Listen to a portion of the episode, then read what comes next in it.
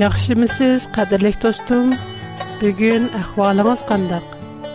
Mən dostunuz Öryət. İsil Soğatlar proqramımız danlığınızda siz xudanın sözüdən məmnun bulalaysız.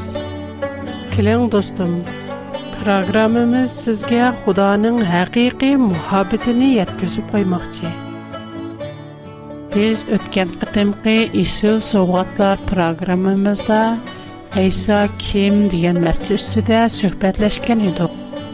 Бүгін шо сөхбітімізні давамлаштырмыз. Пайғамбарларға, русылларға әр хил намлар бірілген.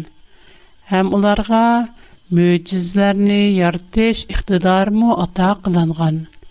Бірақ, ечқайсы Худаның сөзі деп аталмыған. Faqat Isa Allah Xudanın sözü və ruhi deyilən. Quran-Kərim 4-cü surə Nisa 171-ci ayət. Məsih Isa Məryəmin oğlu. Faqat Allahın rəsulidir. Məryəmə Allahın ilqı qılğan kəlimisidir. Allah tərəfindən gələn bir ruhdur.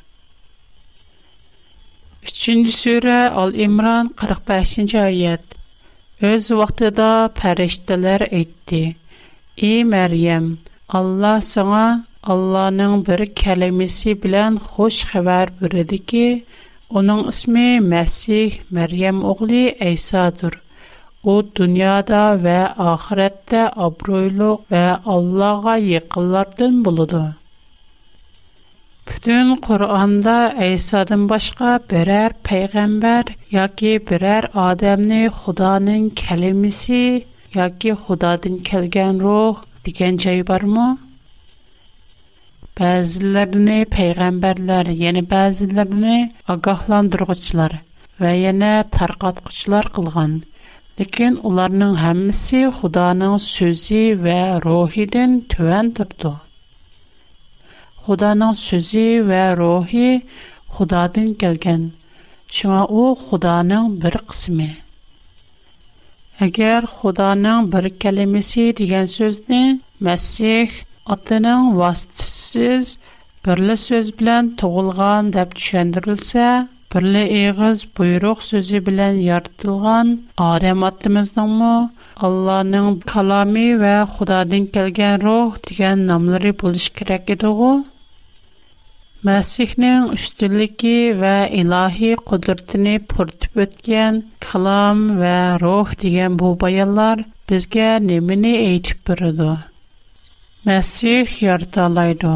O deydi, Şübhəsiz ki, mən sizlərə Rəbbinlər tərəfindən bolğan bir möcüzə elib gəldim. Mən sizlərə laydin quşun şəklində bir nəsə yasayman. Андын онанға пөлэймін. Алланың ізни білэн оу көш бұлды. 3-дю ал-имран 49-дю айат. Онанын башқа яна 5-дю суре 110-дю айатта мындах дилген. Өз вақтыда Алла идді. И Мэр'ям оғли Иса.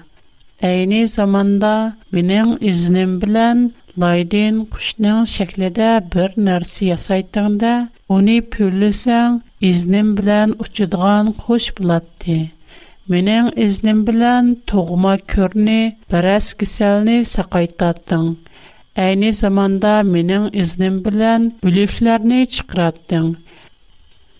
Xuda öz ýaratgan mahlukatlaryň sehirlik, adillik, rahim shafqat va xeyri saxovatlarda o'zi bilan o'rtoq buluşuğa yol qo'ygan u yana peyğəmbərlərə möcüzələrini yırtalaydıgan va kelgusi yüz birdigan ishlarni oldin eytalaydıgan qabiliyyətini mu ata qılğan. Bu möcüzlər albatta insanı bəxtə erişdiriş пайғамбарлар яткізген әріштіке хабарны тәстіқлаш үшін бірілгендір. Албуки Худа өзінің бәзі ішлеріні вә сүпәтлеріні башқылар білән орда қылған әмәс. Чөнкі Худа бірлі вақытта әр ерді ғазір. Бу, ғазір бұлыш чексіз. Шуңа хәмі іш оның құлыда – О парлы вақта дуният ки барлык инсонларның тилекләренә, арзу-арманларын аңлый алдыр. Янекле пәмәге кадир Худоның әйне булса, Худо гылы хас булган кабилиятын ибарәт. Уның дике бу кабилият башкаларга yetкизелгән эмас. Пәйгамбәрләр карамәт эшләрне кылган, Lekin onların bu qabiliyyətləri Xudanın güc qudrəti arqalıq əməlgə aşqan olub, eyni qabiliyyət emas. Xuda can canavarlarını yarata alaydı. Xuda peyğəmbərlər və rusullarga insanı ölümdən terildiriş, qaçını sözlütüş, qarğını kürgüzüş, hər xil kəsəllikni saqaytış və vəqələrini aldın eytiş qatarlıq kabiliyet ne bergen. Lekin, Esad'ın başka hiç kanlıq birisiyle yaratış veya ki ruh biriş kabiliyetini azaldın ata kılganımız. O, kuşnağın şeklinde bir nersi yasaymen. Andin onuğa püleymen de Allah'ın izni bilen o, kuş buludu. Çanlıqlarga ruh Фәкать Аллаһлы хас сүпәт. Әммәмезгә аян, Худа адам аттымызны бер сыкым тупрактан яраткан, һәм үзенең рухи белән уларга җан кергизгән. Яни Худди Айса кушның шәкелдә бер нәрсә ясап, оныңга пүлә баятлык нәфсене бергәндәк. Аятлык нәфси Аллаһлы хас. Оныңдан өзгә һеч кандай аятлык нәфси юк. Бирок мушаятта Айса чаллық яраткан һәм уныңга хаятлык нәфсене бергән.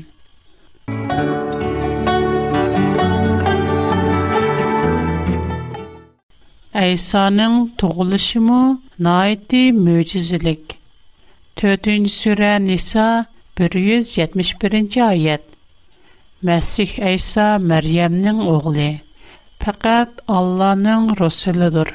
Мәрйәмгә Алланың илқы қылған кәлемесідір.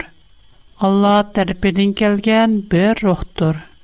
Мәсих Әйса атының вастысыз мұқаддәс рухның вастысы білән туғылған. Адам атымызның му атысы юқ. Бу чоқым шындақ. Чөнки оныңдан илгери адам мәвҗүд эмас иде.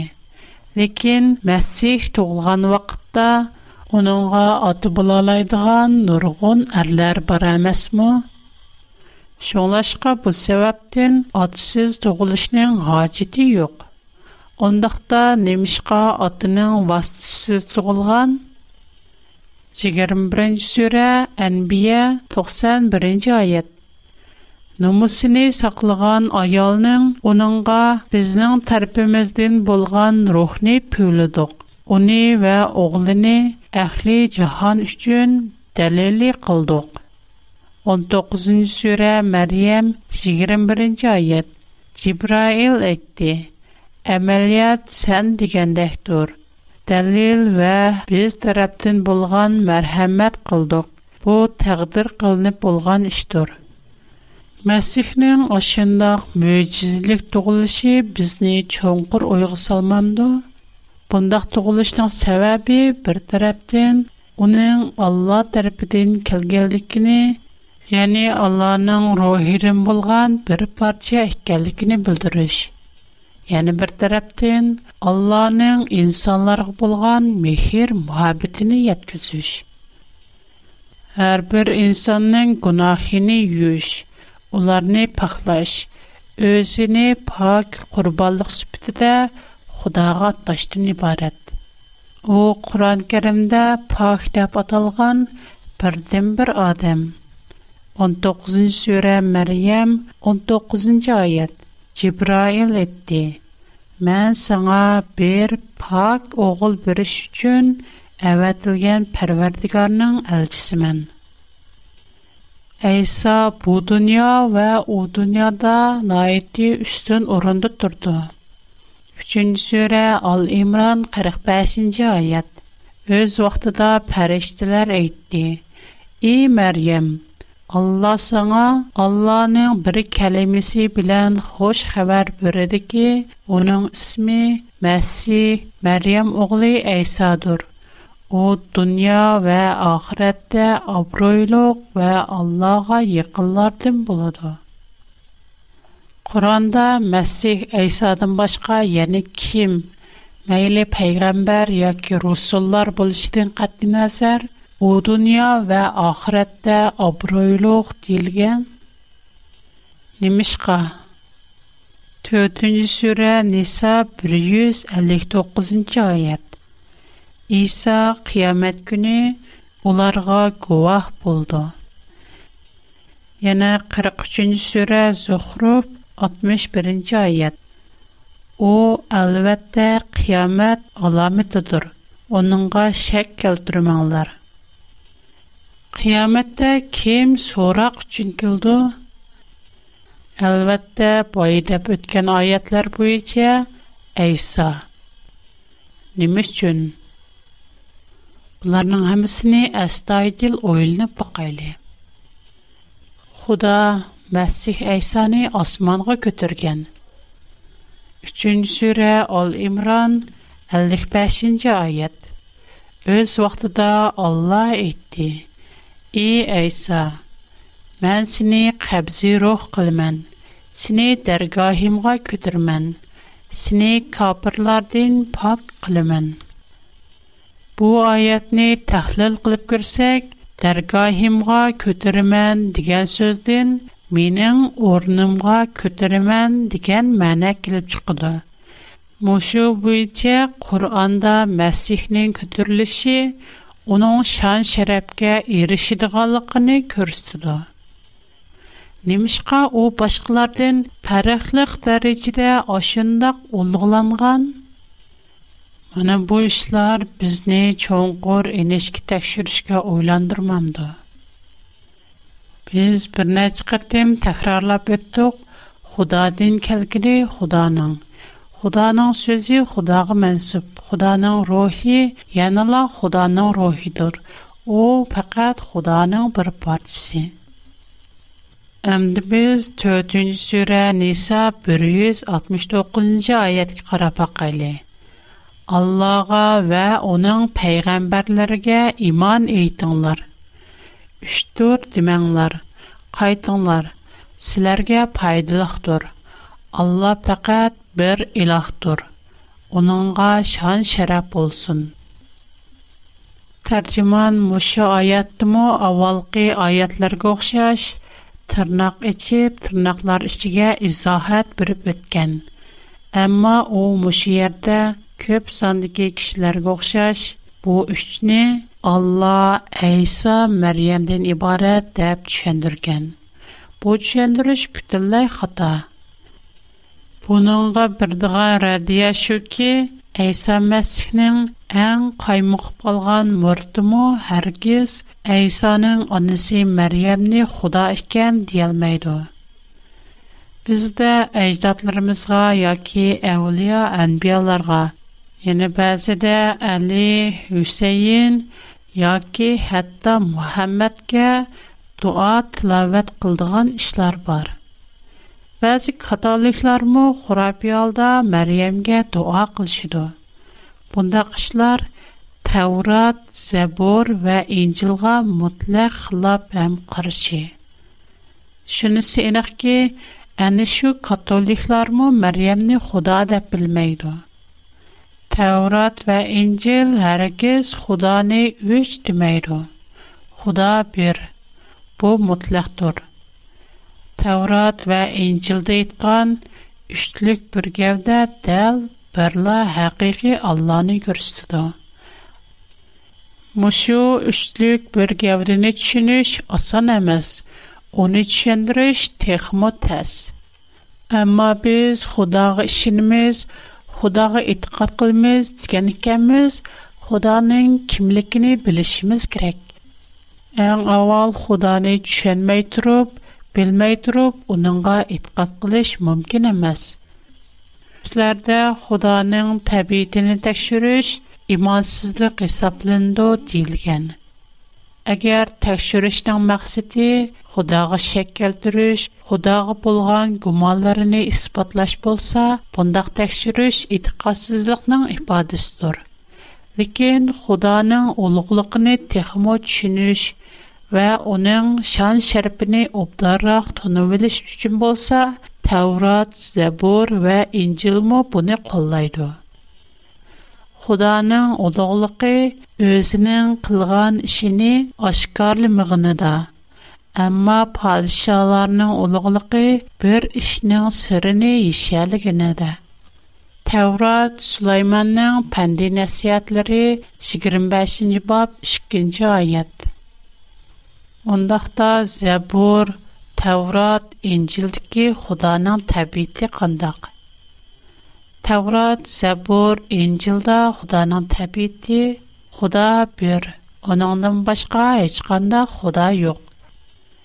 u hayot haqiqiy mangulik o'z xarakterida o'zgarmaydi adil adolatlik mehr muhabbatlik shafqatlik rahimdil uning kuch qudrati oqilonaligi donoligi va yaxshiligi cheksiz u olamdagi mayli ko'rinadigan yoki ko'rinmaydigan barliq shaylarning yaratquchisidir bu bir Худада маһиети оқшаш булган 3 шәхес бар.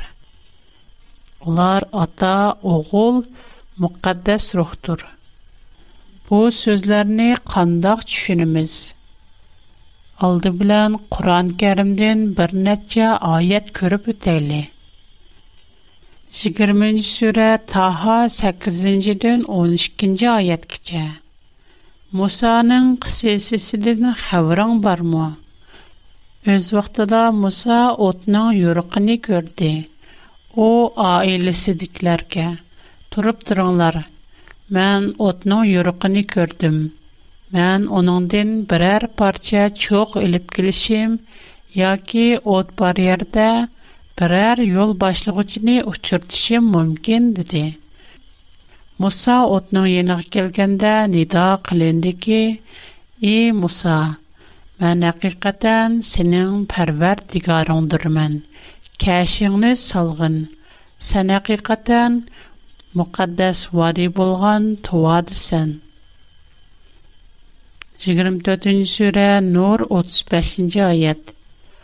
Алла асманларның ва зиминнең нурыдыр. Алланың нуры худи təkçiyə oxşaydı. Onunğa çıraq bardır. Çıraq şişinin içidədir. Şişə guya nurluq yulduzdur. Çıraq mübarək zeytun darıxının bilən yurtulğan. 7-ci surə Ə'raf 54-cü ayət. Allah asmanlarını və zəminni 6 gündə yaratdı. Andin eriş üstüde karar aldı. 2. Sure Bəqər 28-ci ayət Allah'ın dergahına qaytırılsınlar. 3. Sure Al-İmran 55-ci ayət Öz vaxtıda Allah etdi. Ey İsa, mən seni qəbzi rox qılımən, seni dərgahimğa götürmən.''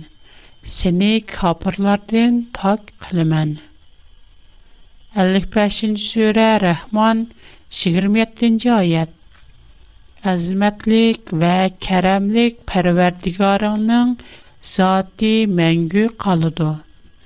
28. sure Qəsəs 88. ayet Allah'ın zatıdan başqa barlıq nərsə yoxuludur.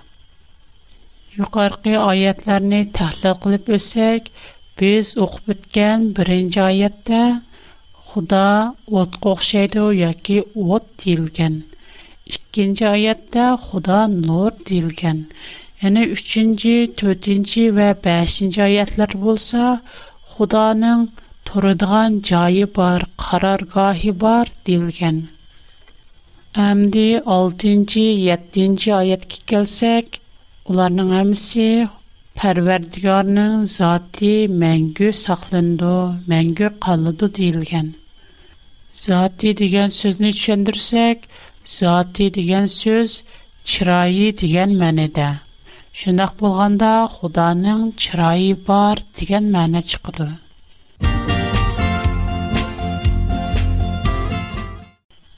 Xudanın çirayi barmı? Теурат, Сабур ва Инҗилларда Худа бердә адам сыягына алса, бердә фәришта сыягында, ва яңа базйда уд şekленә алган. Демак, буларның һәммәсе Худаның үзне insanlarга намыйн килиштәге васитасы. Без сәмимиз, билиммиз һәм итрап кылыбыз. Худа һәммәге кадир. Әгер о халыса, адам сияқына алалайды. Әгер о халыса, нор хам от шеклина алалайды. Быларның хаммиси Алланың ирадысы гі бағылыг. Шуңа, әгер Алла адамның bu алса, бұ реалик бізнің хияліміз ягі тасауырамызға уйғын кәлмігәлікі яхмұғалық үчін үни инкар Реаллык бір реаллык.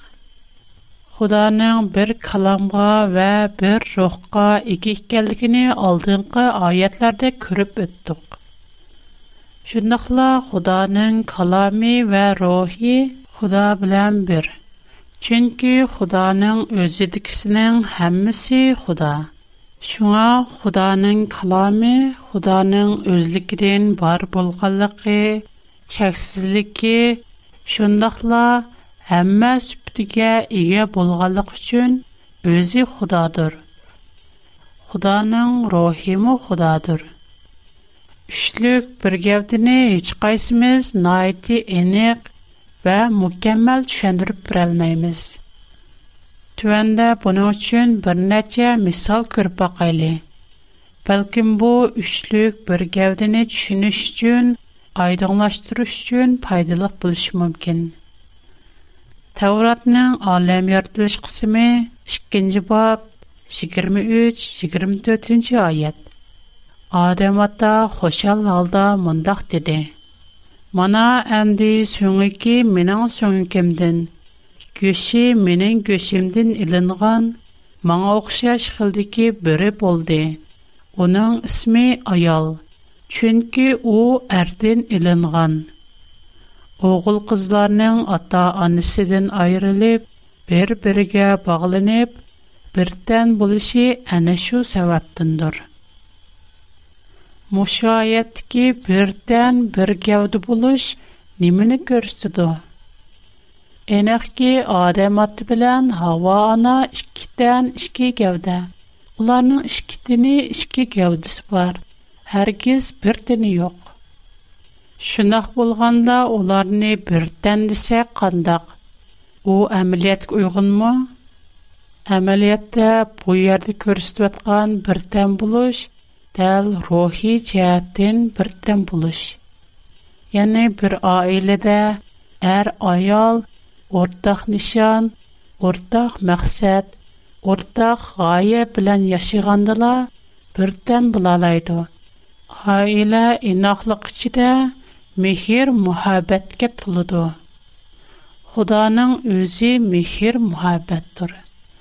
شما آیل نان این اخلاق دا میخیر محبت دا خدا نان میخیر محبتی احبتند.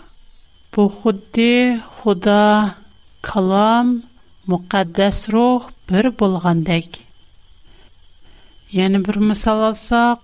bir parça muz. Onun əsli nə? Əlbəttə su. Muz irgəndən kən suğa qaytdı. Yana hor. Su qaynığandan kən horğa aylandı. Amma hor yerə düşkəndən kən yana la su buldu. Şuğa gərçə su, muz və hordan ibarət bir neçə şəkildə ifadələnmiş olsun Оның асасы елтізі янылы су. Kalılar ot çöpigəndikin təbii halda süt işləb çıxırdı. Alimlar kalının nəm üçün süt işləb çıxıdığanlığını nurgun tədqiq qılğan bolsunmu, кішіні қайыл qayılqığıdək тұллық ұспатқы erişkini ек. Kalının сүт ішіліп чықырыш cəryanını bilməgənlikimiz üçün süt içishni rad qilib, kalorinin zadi nima uchun süt ishlab chiqara oladiganligini bilmagicha süt ichmayman desak, bu bak kulkilik ham ahmoqlik. Faqat Xudola o'zini o'zi to'liq tushundi. Üçlük bir gavda bizning tasavvurimizdan, tushunishimizdan halqib ketgan bo'lsa-mu, lekin ma'lum bir ishni tushunish tas debla u ishning asli mavjudligini inkor qilvatgili bo'lmaydi bizning oddiy turmushimizda nurg'unlagan tushunish tas bo'lgan ishlar bor biz yuqorida misol keltirib o'tgandek kolining sut ishlab chiqarish vaqasi lekin bu ishlarning pokit ekanligidan hech kim gumonlanmaydi reallik bizning xiyolimiz yoki tasavvurimizga baxmaydi yana reallik bizning tasavvurimizdagidek bizning xiyolimizdagidek bo'lmaganligi uchun uni rad qilsaq texmi bo'lmaydi xudoning ruhi va kalomi bor odamningmi jismi ma'naviyati va ruhi bor odamning jismini ko'rgil bo'ldi Бірақ оның рухи вә мәнівейтіні күріш мүмкін әміз, әм ешкім көріп бақмаған. Үштік бір гәуді Таурат, Инжил, Зәборға сасланған. Алғылық мәсілі ке, бұл кітап Таурат, Зәбор, Инжил Құдадың кәлген мұ Әгер біз Құдадың кәлген ham biz buni itiraf qilamiz va shu bo'yicha ish qilamiz desak mayli bizning fikrimizga yoqsin yoqmasin uningdiki hamma so'zlarni qabul qilishimiz va ularga ishonishimiz kerak biz muqaddas kitobdagi tushungan yerlarimizni qabul qilib uningga ishinib tushunmagan yerlarimizni qabul qilmay uni tashlayotsak qat'iy bo'lmaydi qur'ondamu oshunda qiliqlar ayblangan Силар китапның бір қисим ахкамларға шиниб, бір қисим ахкамларыни инкар қыламстар. Силардин шында қылғаларның чазаси пекад айади дуняда хорлықы қилиш, қиямэт күни қаттық азапға тучар болыштур. Біз, әлвэтті, Худаның сөзіге, әм Худаның, Таврат, Забор, Инчил арқылы бізге білдірген әқиқетіге шынымыз. Әмі Алланың рухи, калами бар. О, үшілік бір кәуді. Бүгінгі программымыз мүшерді аяқлашды. Менің тұр адырсым.